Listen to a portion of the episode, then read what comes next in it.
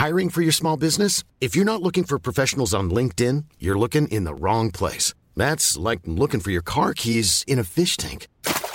LinkedIn helps you hire professionals you can't find anywhere else, even those who aren't actively searching for a new job but might be open to the perfect role. In a given month, over 70% of LinkedIn users don't even visit other leading job sites. So start looking in the right place. With LinkedIn, you can hire professionals like a professional. Post your free job on linkedin.com slash people today.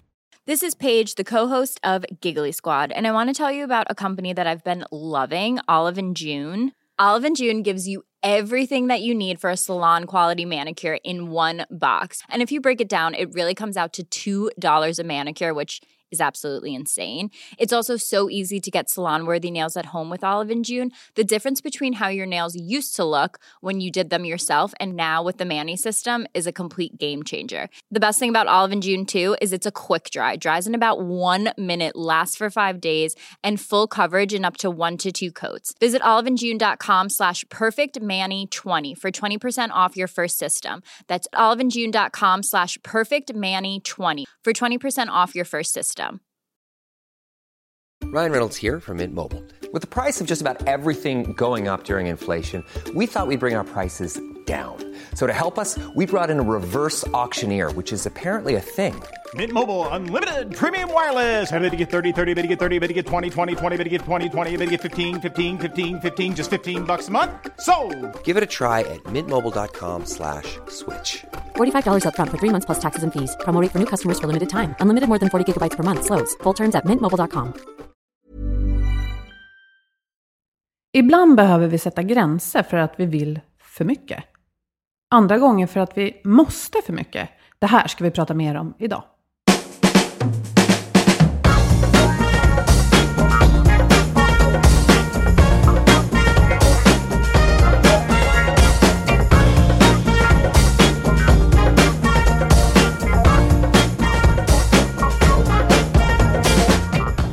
Det här är Health for Wealth, en podd om hälsa på jobbet. Vi är Ann-Sofie Forsmark, hälsomanagementkonsult och Boel Stier, copywriter och kommunikatör. Vi och våra gäster, oftast i alla fall, är övertygade om att det här med hälsa och lönsamhet, det hör tätt ihop. Men frågan är, hur får man det att funka? Det tar vi reda på. Välkomna! Idag ska vi prata om just det här hur man sätter gränser. Det har precis kommit en ny bok om det här av Åsa Kruse som heter Att sätta gränser för sig själv och andra. Jag är väldigt nyfiken på att prata med henne. Vår partner Skandia, vi eh, var ju med och höll i ett hälsoseminarium för dem. Vi modererade det helt enkelt för några veckor sedan. ja, Och ja, det blev en riktigt bra förmiddag tycker vi och det verkar många gäster tycka också. Där var bland annat Skandias vd och försäljningschef och pratade om vad de pysslar med. Sen tyckte jag det var kul att höra eh, Winning Temp, ett företag som då mäter, alltså vi mäter ju ibland kanske så att det står mig upp till öronen, men de mäter ju inte bara det här med blodtryck och liksom fysiska parametrar, utan också hur organisationen mår. Det tyckte jag var intressant. ja. och i, i, som komplement till det så kan man ju också mäta hur det fysiska mår, för det, det hänger ju Absolut. ihop med det psykiska. Och det pratade OneLab om. Och det jag tyckte var intressant det var att eh, Skandias vd framförallt kanske tog den här omvärldsbevakningen liksom och sen trattade ner det till hur Skandia möter upp med sina, eh, med sina produkter och det de, de hjälper sina kunder med. Så att det fanns liksom en röd tråd i det där. Och så har Skandia också räknat fram att det är 57 miljarder kostar sjukskrivningarna per år. Det är ett helt nytt sånt här Karolinska sjukhusbygge, om vi nu ska prata om det. Men det, nej, vi, vi, vi fastnar inte i det va? Det är så ofantliga siffror. Men, men det blev i alla fall en förmiddag där man belyste problemen och sen så belyste vi, eller våra gäster snarare, eh, på scenen hur man kunde lösa det här. Och vi hade ju Anders Hansen med till exempel som just Ja. pratade om eh, sin bok Hjärnstark, eller Hjärnstark, vad den står för. Och, eh, hur viktigt det är med fysisk aktivitet. Och just eh, som du bollade över till honom, det här med att om man inte går igång på det hurtiga så kan man igång, gå igång på att man får hjärnan att fungera bra och kan visa också på hur enkelt, enkelt det är. Det, det har faktiskt fått mig att ta trapporna, för jag tänker annars så här, nej men jag tränar, så den, det är liksom check i boxen på den. Och då kan jag ibland, liksom, ja, men jag kan ta hissen. Men efter att ha läst hans bok så tänker jag så här, men herregud, för hjärnan och smartheten så kan det ju aldrig bli nog med trappor på något sätt. Och då Nej. känner jag mig väldigt så glad när jag går i trappor. Det känns lite fånigt med en sån här vardagsenkelhet. Ja, och den bygger ju också Skandias hälsoapp Virgin Pulse på, som Kristina Hagström pratade om eh, under den här förmiddagen. Eh, så det, ja, men det fanns en tydlig röd tråd där och eh, man kan läsa mer på skandia.se friskare medarbetare om deras arbete. Mm. Och som vi sa, det här med att sätta gränser. Vi, vi pratar mycket om det, men det är ändå rätt svårt att faktiskt få det att funka i, i vardagen. Speciellt när man vill mycket eller känner att man måste mycket. Vi ska prata med dig idag om det, Åsa Kruse. Varmt välkommen. Tack så mycket. Och jag lyssnade faktiskt på dig tidigare den här veckan och eh, då pratade du om det som nu är din gamla bok kan man säga, som handlade om hur man kommer tillbaka till arbetsplatsen efter, efter utbrändhet och utmattningssyndrom. Men idag ska vi alltså prata om hur man försöker inte hamna där överhuvudtaget. Eh, och, eh, men berätta lite, vem, vem är du och hur, hur jobbar du till vardags? Jag är psykolog och psykoterapeut och jobbar inom företagshälsovården till vardags. Eh, och har jobbat eh, med stress i, eller stressrelaterad problematik i närmare 17 år. Och sista 10 åren så har jag jobbat inom företagshälsovården. Och där jobbar jag både med individer och med olika typer av uppdrag. Eh, chefstöd och handledningsuppdrag och konflikthantering och lite av varje. Det här med att sätta gränser. Nu, nu sa jag alldeles nyss att vi pratar mycket om det. Men jag tänker också att det kan låta som något tråkigt. Ja, det gör ju ofta det. det är, jag tror att många känner så spontant att det är tråkigt med gränser, precis som du säger. Tänker man på barnuppfostran då? Så här, nej, nej, Ja. inte röra lådan. Allt det här man vill göra men inte får, inte, inte ska. För att det inte är nyttigt kanske, eller av olika skäl. Så visst, visst kan det låta tråkigt, och vara tråkigt ibland också. Men i din yrkesvardag så stöter du förstås på behovet av gränssättning hela tiden. Kan inte du berätta lite hur du tycker att det ser ut just nu, ute i verkligheten? Ja, jag tycker att, alla, att det är mycket, alltså, det låter konstigt, men just gränslöshet. Gränser flyter ihop. Eh, och det kan ställa till problem på olika sätt. Det blir lite gränslöst när arbete och fritid flyter in i varandra och man inte skiljer det ena från det andra. Och man gör det privata offentligt och, och så vidare. Det är också en typ av gränslöshet. Nu låter det som att du pratar om sociala medier Till här. exempel. Ja. Ja. Men finns det fler exempel på gränslöshet eller vet du, gränsuppluckring som har letat sig in i vår vardag? Ja, ja, fler exempel. Jag tänker just på det här som ni själva tog upp alldeles nyss med Anders Hansers bok eh, Hjärnstark, med, med hur vi är ständigt digitaliserade och att vi aldrig låter hjärnan vila, utan så fort vi har en liten paus så, så ska vi in och kolla på saker och ting och fortsätta mm, bearbeta information och, och så. Det är ju också en form av gränslöshet. Att inte skilja mellan arbete och fritid och att aldrig koppla av. Och jag tänker också på, eh, jag såg någon sprida en artikel av just Anders Hansen också igår. Som handlar om det här behovet av att vara, alltså, alltså göra något helt eh, kravlöst. Idleness säger man på. ja. på ja. För att det verkar ju nästan som att vi, när vi förstår att vi behöver koppla av, ja men då sätter vi ju larm eh, på att vi ska eh, använda en mindfulness-app. så här en gång per dag eller någonting. Att på något sätt ska allt in i kalendern och allting blir ett krav. Är det så? så? Ja, jag tror att det är mycket så numera. Eh, att det handlar om prestationer och krav. Och till och med det blir en prestation till slut. Att vi ska koppla av på ett visst sätt. Och göra någonting. Man kan ju koppla av genom att göra något väldigt kravlöst. Alltså inte alls gå någon mindfulness. Eller inte sätta sig i någon särskild, eh, vad ska man säga, situation just då. Utan att bara gå ut och, promenera eller någonting annat. Sätta sig på ett fik. Hänga med någon? Hänga med någon, jättebra. Sätt Eller vara i fred? Ja, ja, det finns ju många sätt som inte innebär den typen av krav. Jag tänker också att många arbetsgivare lockar ju med det som man inte då kallar för här är det gränslöst, utan snarare att man lockar med att här finns alla möjligheter. Och har man då en personlighet som drivs av prestation så blir ju det, alltså arbetsplatsen blir ju ganska gränslös, precis som du säger, inte bara att man kan ta med sig och fortsätta jobba när man går därifrån, men också att här kan ju du göra precis vad du vill. Och då Mm. blir ju det också ett, ett krav som man, man känner att här borde jag ju då göra massa fantastiska Ja, saker eftersom de möjligheterna finns. Och jag tänker, eh, ja men också på barn, att så här, nu finns ju alla möjligheter. Att det är inte bara en trevlig känsla, utan det blir också, då måste jag ju prestera. Säkert. Ja. Någon förväntar sig det av mig. Mm. Mm. Jo, så är det. Men vad är det vanligaste du känner, den liksom vanligaste uppmaningen som du får rikta till människor som du möter i vardagen? Vad är det liksom, nummer ett man behöver göra, apropå det här med gränssättning? Apropå just gränssättning. Ja. Ja, det där är lite olika beroende på vem man är. En del människor har jättesvårt att sätta gränser för sig själva. Ungefär lite grann som det ni tar upp nu. Att, att eh, finns friheten så ska man ha allt inom den här friheten. Utnyttja den till max. Eh, och sätter inte gränser för sig själv, för sin ambitionsnivå. Man kanske har väldigt höga krav på sig. Andra människor har väldigt svårt att sätta gränser för andra. Att säga ifrån, att säga stopp, nu kan jag inte ta mer. Säga nej, det här vill jag inte göra eller det här kan jag inte göra. Så att det, det ser lite olika ut beroende på. Och jag kan tänka mig att en kombination av de där är livsfarlig också på jobbet då, när man faktiskt gör väldigt roliga saker. Ja. Och man vill så gärna säga ja, och så vill, är det tråkigt också att säga nej till kollegorna. Ja. Vad, vad känner du liksom, vad hjälper människor i ett sånt läge när det är liksom mycket och kul? ja, det där är ofta en, en rätt svår sits. Och det är därför det är så svårt att stoppa högpresterare. Därför att de har ofta väldigt roligt. Det är bekräftande att vara duktig. Det är jätteroligt. Man får massor med, med, med positiva saker som kommer ut av det. Eh, och många förstår inte att man kan faktiskt trilla över kanten trots att det är roligt. Utan kommer till oss och säger att ja, men jag, jag trodde aldrig att jag skulle kunna bli liksom en av de här utmattade.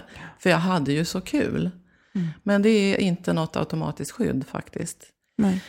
Ehm, ja, vad skulle jag säga om det här nu då? Vad är, liksom den, vad ska jag säga, vad är det som får människor att tänka aha och faktiskt förändra beteende? Ja, det är, det är nog tyvärr när det har gått alldeles för långt. När man bara inte orkar längre.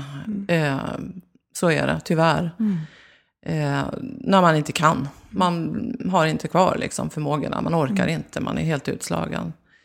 Sen tar det ett tag eh, och, och på något sätt förändra det här. Därför att det tar lång tid att, förstå att det finns vinster på andra sidan. Alltså innan man upptäcker det, när man har varit så här duktig och haft så här kul, så tar det väldigt lång tid. Eller väldigt lång tid ska jag inte säga, men det tar mycket längre tid. Det är ett litet vakuum som uppstår däremellan när det roliga är borta och inte ersätts av någonting. Och det är klart att det är jättesvårt i början. Tills man upptäcker att okej, det finns faktiskt eh, vinster med att inte hålla på så här intensivt hela tiden. Kan inte du beskriva de vinsterna? Ja, det kan jag göra. Jag bara upptäcker att det finns ofta människor som satsar väldigt mycket och intensivt. Gör ofta det på en eller två saker. Och det uppfyller hela livet, alltid. Allt man håller på med. Det uppfyller tankarna en större del av dagen till exempel. Eh, och man försummar andra delar av livet som man behöver. Alltså man, man kan nästan tänka sig livet som en, vad ska man säga, som en cirkel som behöver innehålla olika delar. Det räcker inte med två delar. Därför att faller den ena av någon anledning, att det händer någonting i den ena delen, då har man inte så mycket kvar. Utan man behöver se till att livet innehåller olika saker. Fritid, socialt umgänge, jobb, eh, lite träning, lite av varje. Eh, och vinsten är ju att man, man upptäcker att man kan ägna sig åt en massa olika saker och att man mår bra av det också. Att man plötsligt orkar med sin fritid och inte ser det som ett måste. Och att det är jobbigt med alla människor som vill träffa en och ställer krav på att man ska boka tider. Utan att det här blir, det kan också bli roligt. Mm. Jag brukar se det som ett, eh, jag brukar tänka som ett, ett schackbräde med pjäser. Och det går liksom inte att bara flytta en gubbe framåt, utan du måste flytta med sömn, du måste flytta med dina relationer utanför jobbet och sådär. Men jag tänker, jag blir så, inte ledsen, men lite, jag tänker så här, att, att för jag kan verkligen relatera till det här att eh, det kommer inte upp en varningssignal förrän det faktiskt har skett någonting negativt med din, med din hälsa. Alltså du, du har jättekul, du presterar överallt och sen börjar du känna det här att du har svårt att koncentrera dig, blir irriterad, det kommer, ja det här med att man blir irriterad på, på andra människor. Och det är inte deras fel, men det, det börjar där. Och att det är så synd att vi eh, har svårt att agera på det här innan det har skett någonting negativt. Har du eh, några tankar runt det? Ja, det, inte än att jag håller med dig och att det är väldigt tråkigt att det är så. Ehm, och det är väl så livet fungerar. Att det, så länge det fungerar och man mår bra, ja då fortsätter man förstås att göra mer av det. Men när det börjar dyka upp negativa bieffekter av det här, det är då man kanske eventuellt börjar fundera. Många förnekar ju det här i början och försöker bortse från de här negativa signalerna. Försöker slumpförklara dem och, och lite så. Mm. Men till slut så kan man ju inte det längre, utan då måste man ju lyssna. Jag måste säga, jag känner igen mig i delar av det du beskriver. Och kan tycka att det är otäckt på en massa olika sätt. För just det här, nej men liksom, tänk att bli irriterad när någon man tycker mycket om ringer. Mm. Men så kan det ju vara ibland. Men jag är ju så inne i det här, jag kan inte göra andra saker. Nej men varför tänker jag då att jag måste svara ens en gång? Alltså mm. man kanske behöver fundera över vad det är för mönster man är inne i. Mm. Men också den här rädslan. Jag tänker att om man är uppslukad av något som är fantastiskt roligt, det kan vara en yrkesroll, eller att man driver ett eget företag. Mm. Så kanske det också finns en rädsla för, vem är jag? Om det här inte längre finns ja, i mitt liv. Definitivt. Mm. Mm. Mm. Och jag tänker, ja, men alla som lyssnar här, man kanske kan reflektera kring det. Är jag bara min yrkesroll? Mm. Så mm. det är väl inte riktigt bra? Mm. Nej, och det är precis så som vi pratade om alldeles nyss. Att det, om man känner så, vem är jag om jag inte är mina prestationer? Då är det nästan ett tecken på att man bör fundera över lite grann, hur har jag det i livet? Hur har jag satt ihop mitt liv? Vad ingår för ingredienser i den här cirkeln egentligen? Eh, och försöka göra någonting åt det. Att, så att man inte bara blir jobbet eller någon annan stor del. Eller bara blir eh, en förälder som satsar allt på att serva sina barn eller vad det nu kan vara. Ja, just det. Mm. Jag tänker också där att man, eh, man, är så, man är så inne i sin egen snurr. Att man verkligen tänker att om jag... Eh, ja, och jag, här kan jag verkligen så här bjussa på att jag har nog varit här. Att jag tänker att nu, om jag säger att inte jag klarar det här, vad kommer alla tycka om mig då? Mm. Och ingen annan alltså om de bryr sig så, så tycker de bara, men herregud, vi tycker ju om dig ändå. Spelar ingen roll om du presterar det där eller ej. Men man är så inne i sin egen liksom, mm. bubbla i det här. Och, och, så, och jag brukar tipsa det här om att man ska, så här, men vilka krav skulle du ställa på andra? De kommer mm. aldrig ens i närheten av det du kräver av dig själv. Om Boel skulle säga så här, vet du vad, jag har liksom tagit lite lugnare den här veckan och bara struntat i vissa grejer. Och för att jag kände att det var, det var lite mycket. Jag behövde liksom bara ta det lugnt och hänga med kidsen. Skulle jag bara, men gud vad bra. Mm. Gud vad bra Boel, mm. vad härligt det låter. Och bli inspirerad. Men för sig själv, no. Höga krav. Nej, man kan ju också liksom ha hamnat i en situation där man kanske är chef. Jag menar, ibland pratar man om det här med utmattning och glömmer att chefen också kan bli utmattade. Mm. Att man verkligen känner att gud, jag bär allt på mina axlar här. Vem gör det här om inte jag gör det? Så mm. det är inte bara vem man är, utan också, här har vi ett bygge som kommer att rasa. Det kan ju vara ens eget företag. Och då ja. kan det också mm. vara väldigt mm. tufft. Liksom. Mm. mm. Men någonstans om man inte kan leva ett, ett, ett, ett, liv som funkar, ja men då måste man ju ändra på någonting. Mm. Men jag tänkte vi kan prata också om det, det, andra läget när det inte är så kul, utan när det bara är mycket. Mm. Vad kan det handla om då? Att man ska få kraft och mod att våga säga till sin chef eller sina kollegor?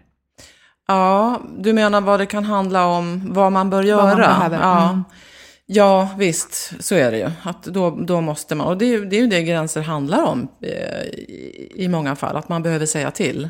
Mm. Eh, att man behöver säga ifrån helt enkelt, att nu kan jag inte ta mer, eller det här räcker, eller nu har jag tagit på, på mig för mycket, jag behöver lämna tillbaka en del av det här. Att man ibland faktiskt måste backa också. Är det återigen rädslan för att liksom inte bli om? Ja, väldigt ja. ofta. Mm. Och väldigt starka föreställningar, överdrivna föreställningar om vad folk kommer att göra då, vad de kommer att säga då, hur de kommer att se på mig då. Så är det. Och, eh, och visst är det så att eh, i enstaka fall, jag kan verkligen tycka att i enstaka fall, så möts man av någon som blir arg eller besviken. Så är det. Men för det allra mesta så är det här självklart. Att bra att du säger till. Mm. Eh, och det är därför det är så viktigt att man själv faktiskt ger uttryck för det här och inte förväntar sig att andra ska förstå hur man har det och vara de som sätter gränserna åt en, utan man behöver göra det själv. Och de som blir arga och besvikna, där ingår det ju att träna på att sätta gränser, att faktiskt lära sig att ta det.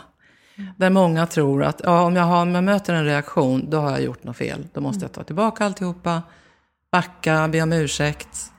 Men så behöver det inte alls vara, utan man har sagt ifrån av en anledning som man förmodligen har tänkt ordentligt igenom. Och då mm, ska man inte backa utan ta det som att ja, människor reagerar på det här. Mm. Därför att de förlorar någonting Ja, förmodligen. det är deras reaktion. Det är deras reaktion. Och man kan inte alltid ta ansvar för alla människors reaktioner, alltid. Utan, De kanske skulle behöva sätta gränser också. kanske det. tur. Mm. Jag tänker om man jobbar i en organisation som är väldigt pressad. Så kan det ju vara som så här dominobrickor kanske som faller. Ja, ja. Men jag tror många känner igen det där också, att man inte vill göra någon besviken. Och det, jag, jag tar det här också, liksom. Så jag, Ja. jag tar på mig det här också. Och det, det är en sån enorm tröskel. Jag, jag tänker liksom på själv, mycket självkänsla i, i det här. Att våga känna att det här funkar inte för mig. Och har man Nej. sagt ja och tagit på sig alldeles för länge, så är det ett väldigt svårt mönster att bryta. Och hur... Det här behöver kanske människor, alltså proffshjälp med kan jag tänka. Det är svårt att bryta själv, eller hur, hur gör man? Ja, om det är svårt att bryta. Nej, alltså egentligen tror jag inte att det är det. Utan det handlar om att börja träna på det lite grann. I små steg. Man behöver inte plötsligt säga nej till allting. Eller ta bort allt som man mm, tycker är jobbigt och så. Utan man börjar med någon liten sak och träna på att, att eh, faktiskt säga ifrån. Eller backa och säga du, nu var jag alldeles för snabb här. Jag inser att det här kommer jag inte att hinna. Eller orka, eller vad det nu är. Ehm, Ja, vissa kan behöva proffshjälp och det, det tror jag är just när det ingår i ett större sammanhang, som det ofta gör när man kommer till oss inom företagshälsovården. Att, att eh, man är sönderstressad och det, det ingår en massa saker i det här att, att vara så stressad. Att man kanske har svårt att sätta gränser, man har svårt med kravnivån på sig själv, man har problem med lite av varje. Då kan det vara bra att få hjälp. Men upplägget är ju detsamma, träningen är densamma. Man måste göra det för att bli bättre på det. Det räcker inte bara att prata om det.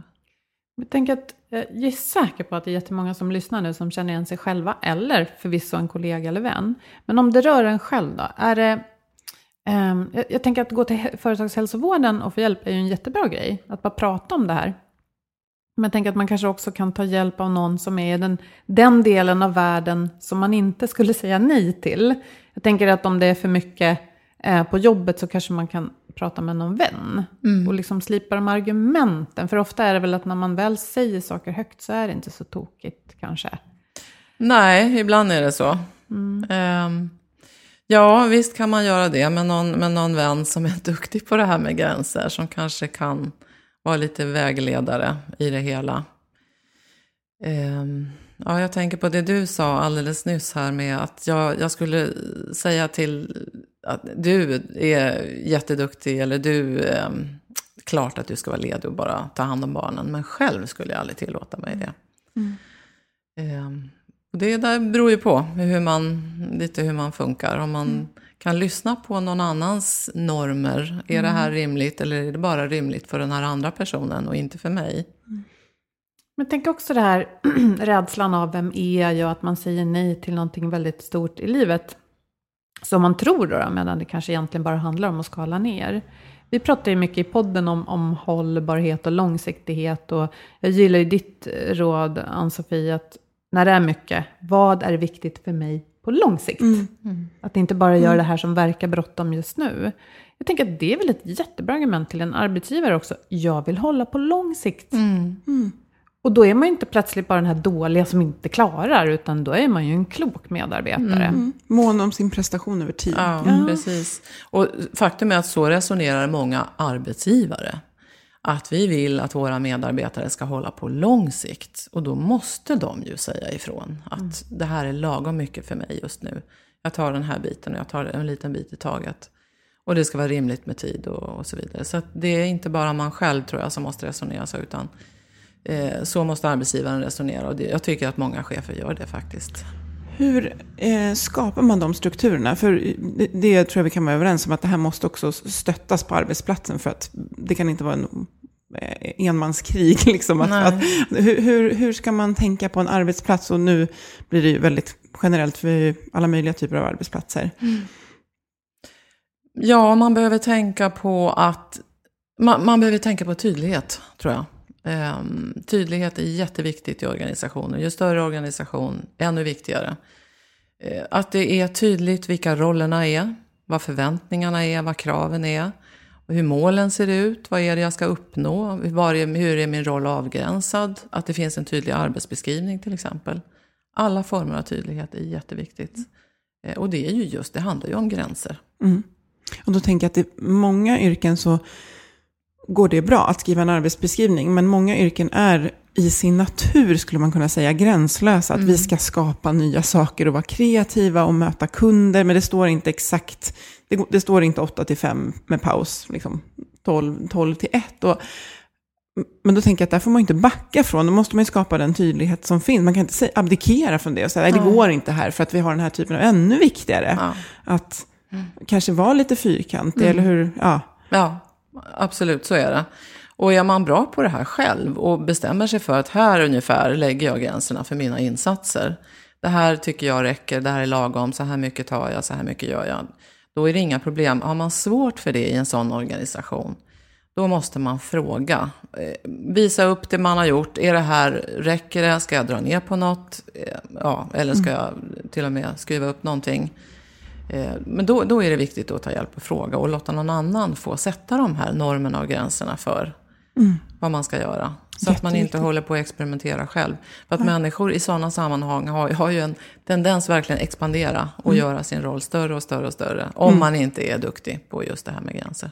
Ett till projekt. Åh, vad roligt. Ja. Och, och kanske göra det här med regelbundenhet. Att man, man får återkomma. Det är inte något man gör när man får jobbet. Och så, ja, men vi kom överens om det där för tre år sedan. Utan man får stämma av det hela tiden. Är det här i min roll? Och något som jag vill skicka med det är just det här att ett nej till någonting. Det skapar ju utrymme för ett ja till någonting annat. Så brukar jag tänka när något känns tråkigt att säga nej till. Det här skapar ju faktiskt möjlighet att säga ja till någonting annat. Antingen ganska snabbt eller om ett tag.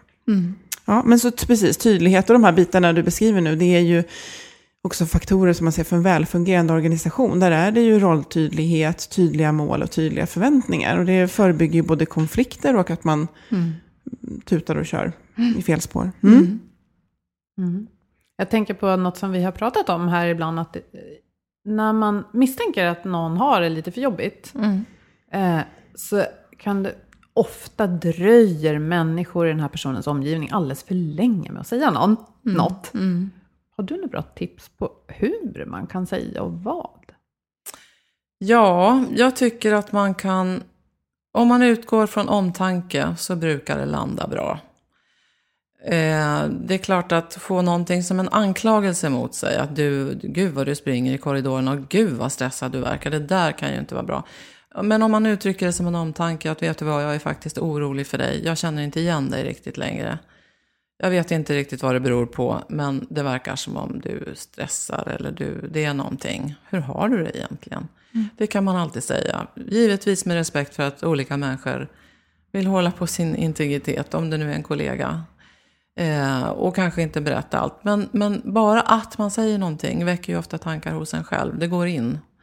Eh, att oj då, är det så? Att, att människor utifrån börjar reagera på hur jag beter mig eller vad jag gör. Det är klart att det, börjar, det får de flesta att börja reflektera. Kanske om, om man ställer följdfrågan också. Hur skulle jag eller vi kunna hjälpa dig? Så att det inte blir en Ja, visst. sen. Ja, om man har möjlighet så, ja, självklart. Mm. Mm. Men just då, så här, känns det, man berättar, men jag gör allt det här och det här, så känns det hållbart? Får du med, liksom, tar du hand om det? Hinner du liksom umgås med familjen och vännerna? Så att, och jag, jag kan, när du beskriver det här så känner jag så här, gud jag skulle tycka det var lite pinsamt om någon frågar, gud framstår jag liksom så? För att mm, kanske en sån som hamnar där ibland, men hur hinner du allting? Och så får man liksom visa upp att ja, men det kanske ser ut att vara mer än det är. Men i många fall så är det ju kanske till och med mer än det ser ut att vara för många. För att det är krav på alla håll. Men precis, med omtanke så går man ju sällan fel. Nej. Så, det, det kan inte bli... Ja, och när jag sätter mig i den situationen, för jag menar vi har alla varit i sådana lägen, så tänker jag nog att första gången jag får frågan så skulle jag nog känna så här, oj då. Och hålla upp en så här glad fasad och säga, nej då. Men sen skulle jag nog tänka lite och då kanske jag visste att jag hade någon jag kunde anförtro mig åt. Så det kan ju behövas kanske att man ställer frågan fler gånger. Det, det är kanske viktigt att, att tänka på det, att det, i stresssammanhang så är, finns det ofta just mycket av förnekande. Man, eh, man ser inte själv. Eh, Man förstår inte själv hur man springer i det här hjulet, utan det har blivit ett normaltillstånd. Och eh, de allra flesta skulle säga nej, det är ingen fara. Det är ingen fara, jag har kontroll. Tills det har gått ännu längre, man, man verkligen börjar må dåligt på allvar. Mm. Mm.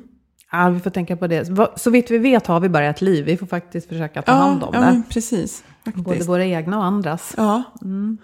Eh, är det någonting mer du tänker, för du träffar ju väldigt många arbetsplatser, du träffar människor på arbetsplatser, men du ser ju arbetsplatsperspektivet väldigt tydligt. Har du någonting som du skulle vilja skicka med att man ska tänka på? Nu har vi pratat om tydlighet och så, men Eh, det känns så värdefullt att ha dig här som träffar så många. Är det någonting utifrån den här frågan om just gränssättning som du har tänkt på, och som du vill skicka med? Ett bra litet verktyg som man kan använda sig av i början är faktiskt att börja införa betänketid innan man säger ja till saker. Eller innan man överhuvudtaget fattar beslut om man ska göra någonting, ta på sig någonting. Man får en fråga om någonting, vill du göra det här eller kan du göra det här eller vill du hänga med på det? Att man inte svarar ja direkt, för det är ofta en sån här, eh, vad ska man säga, ett beteende, ett automatiskt beteende hos människor som har svårt att sätta gränser. och säga ja till allt direkt, utan att tänka. Åh, vad jag hade behövt höra det i alla fall i yngre åldrar. Jag tror det här är var lite be- fantastiskt. Tänk om jag, skulle, om jag var Boels chef och så skulle jag säga, du jag har en förfrågan till dig. Och du får inte svara nu Boel. Jag vill att du går hem, eh, pratar med din familj eller sover på saken, tar en promenad och så vill jag svara av dig imorgon. Jag vill att du tar betänketid eh, och ser hur det här landar i din kalender. För hur ofta kan vi egentligen, om det är något stort, och så man bara, ja, gud vad roligt det låter. Det Det här- är ju kul att Ja. säga ja, det Ja, är det. visst. Ja. Men det, men det är verkligen, det finns ju så här två, ibland säger man så här, men säg, säg ja, säg ja till allting. Och sen så kommer det här nej, vi måste bli bättre på att säga nej. Och någonstans däremellan har vi kanske den här balansen vi vill ha. Men betänketid, Betänketid, jättebra. jättebra. Och det be- behöver inte vara en halv dag, det kan räcka med tre minuter. Om det är bara en, en, något, inte något jättestort beslut. Att jag ska bara kolla, se om jag har möjlighet. Ge mig tre minuter eller jag ringer dig om en halvtimme eller någonting sånt. Att lägga sig till med den vanan, det Ja. var ju väldigt... Jag kan lägga till ett litet Ja. miniverktyg till det. Att det här med betänketid kan vara svårt i början. För man är så van vid att lämna automatiska svar på reflex. eh, och då kan man träna på att backa direkt. När man upptäcker, nej men nu sa jag ja fast jag borde ha sagt nej. Om man går tillbaka då och säger, nej du nu var jag lite för snabb. Jag inser att det här kommer inte jag att hinna eller kunna ta på mig. Så att träna backa om man märker att jag säger ja fast jag inte ska. är också ett sånt bra verktyg. Och, och, och, och jag vill lägga till där också det här att, att, det, det visar att man tar ansvar för sin tid och kvaliteten på det man levererar. Att jag säger att, vet du vad, jag, om jag träffar dig eller vill jobba med dig så, så vill jag verkligen kunna vara fullt närvarande och leverera. Och just nu är det så mycket annat så att jag säger nej just nu, men vi kanske kan göra det här sen när jag känner att jag kan vara fullt där. För det visar man ju respekt för den andra personens förfrågan också. Att man inte bara, ja jag klämmer in det där mellan tre och fem. Ja, Jättebra tips. Och lite som du sa, att när jag säger ja till något så säger jag också nej till något. Och när jag säger nej till något, så, alltså det är det här med att tiden inte är oändlig. Ja. Superbra. Älskar de där konkreta verktygen. ja, men de här kan De man verkligen... med mig. Ja. Betänketid och träna på backa. Mm. Härligt. Man har ju betänk- när man köper saker har man ju ångerrätt. Så att Ja, det borde ju verkligen gälla saker som är... Ja. då får det inte ta 30 dagar att backa, kan Nej. jag säga. Nej, Inte normal. konsumentköplagen. Nej. Men att gå tillbaka så fort man kan eh, och säga att nu var jag lite för snabb. Ja. Men jag vill precis, verkligen lyfta de här, de här vinsterna som vi pratade om också med att, med att faktiskt uppleva hållbarhet. Att uppleva att man inte springer igenom det man gör och uppleva att man kan vara i det man gör och gilla medan det pågår. Inte bara gilla att bocka av det och sen ha klarat av det. Och det är också en del i att klarar man av att sätta gränser så, så kan man njuta mer av det man gör. För man Ja. vet att jag har marginal till det här. Så att det är inte någonting negativt och det tycker jag din bok illustrerar väldigt bra också. Jag fick mycket verktyg från den. Och den handlar ju också om mycket eh, privat, alltså både jobbet och privat. Men det går, ju, det går ju hand i hand, vi är ju samma, samma person däremellan. Så Det var på, på din bok, jag har inte läst den, du har läst den Ann-Sofie, så är ju en stor röd knapp på Ja. omslaget. Det tycker jag var bra. ja, Visualisering. ja. Stopp.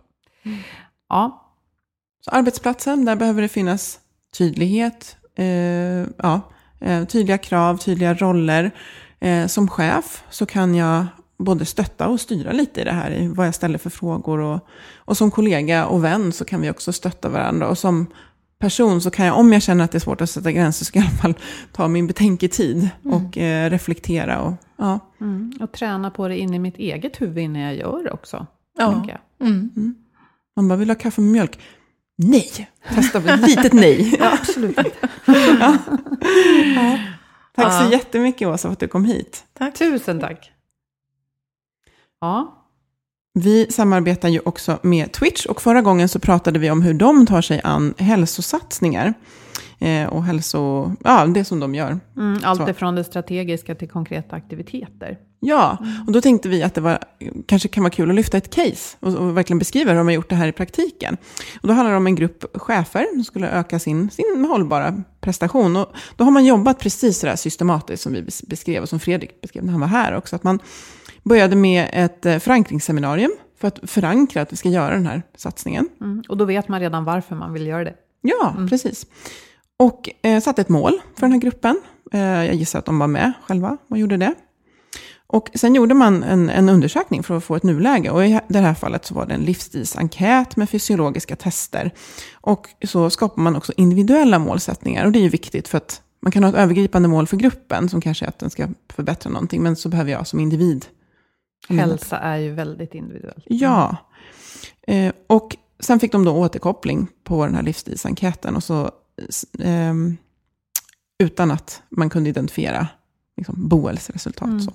Och sen så eh, la man till de aktiviteter som skulle stötta förbättringar av de här, de här parametrarna. Då. Och då var det föreläsningar och eh, prova på motionspass och, och, och så vidare. Och så var det regelbunden återkoppling också. Och det är ju så viktigt att man Så även om aktiviteterna här var lite sådär ströaktiviteter, testa, känna efter, så var, fanns det systematik i, i det stora arbetet. Ja. Förstås. Och eh, sen gjorde man de här testerna igen efter sex månader för att se vad som hade hänt. Och det man såg det var att eh, gruppens riskgrupp, Eh, de hade under de här sex månaderna faktiskt eh, minskat i antal då med 50 procent. Och det man hade förbättrat det var bland annat eh, ökad nivå av fysisk aktivitet. Och då pratar vi alltså inte träning, det kanske var träning, men fokus var på fysisk aktivitet. Minskad upplevd stress och man hade förbättrade kostvanor och minskade symptom, bland annat i, i rygg och nacke. Det här är ju superviktigt. Det låter jättebra. Och jag tänker vi måste nämna, vi har ju haft eh, Josefin Gren här från hemtjänsten i Halmstad. Halmstad som lyckades leda sin grupp till en hälsoförbättring på, vad var det, 300 procent och ännu Ja. mer. Alltså att man skänk, eh, sänkte sjuktalen så mycket på ett år. Och det var ju inte genom att hon blev expert på hälsa. Det var ju att hon gjorde samma sak. Satte individuella mål, pratade om hälsa och gjorde de förändringar hon behövde. Medan medarbetarna gjorde exakt samma sak. Och så drev man igenom det tillsammans. För bå, i båda de här fallen så har det varit en, en systematik. Det här med ett avstamp och målsättning och genomförande och uppföljning. Så att man inte bara säger nu ska vi göra det här och sen släpper man det. Och så finns det ingen mätning. Och man kan mäta på många olika sätt. Men just den här systematiska ansatsen är så viktig. Mm. Och vi kan förstås läsa mer om det här. Ja, på Twitch. twitchhealth.se. Det finns många bra blogginlägg bland annat. Ja, och flera case som man kan läsa om där. Just det. Toppen. Ja, ni vet ju att vi finns här eh, i podcastappen som du använder. Eh, Eller på vår hemsida healthforwealth.se. Eller på Facebook, LinkedIn. Och vi tackar våra samarbetspartners Skandia och Twitch Health och förstås Agda Media för den här produktionen. Var snälla mot varandra, ha det fint. Hej då! Hej då!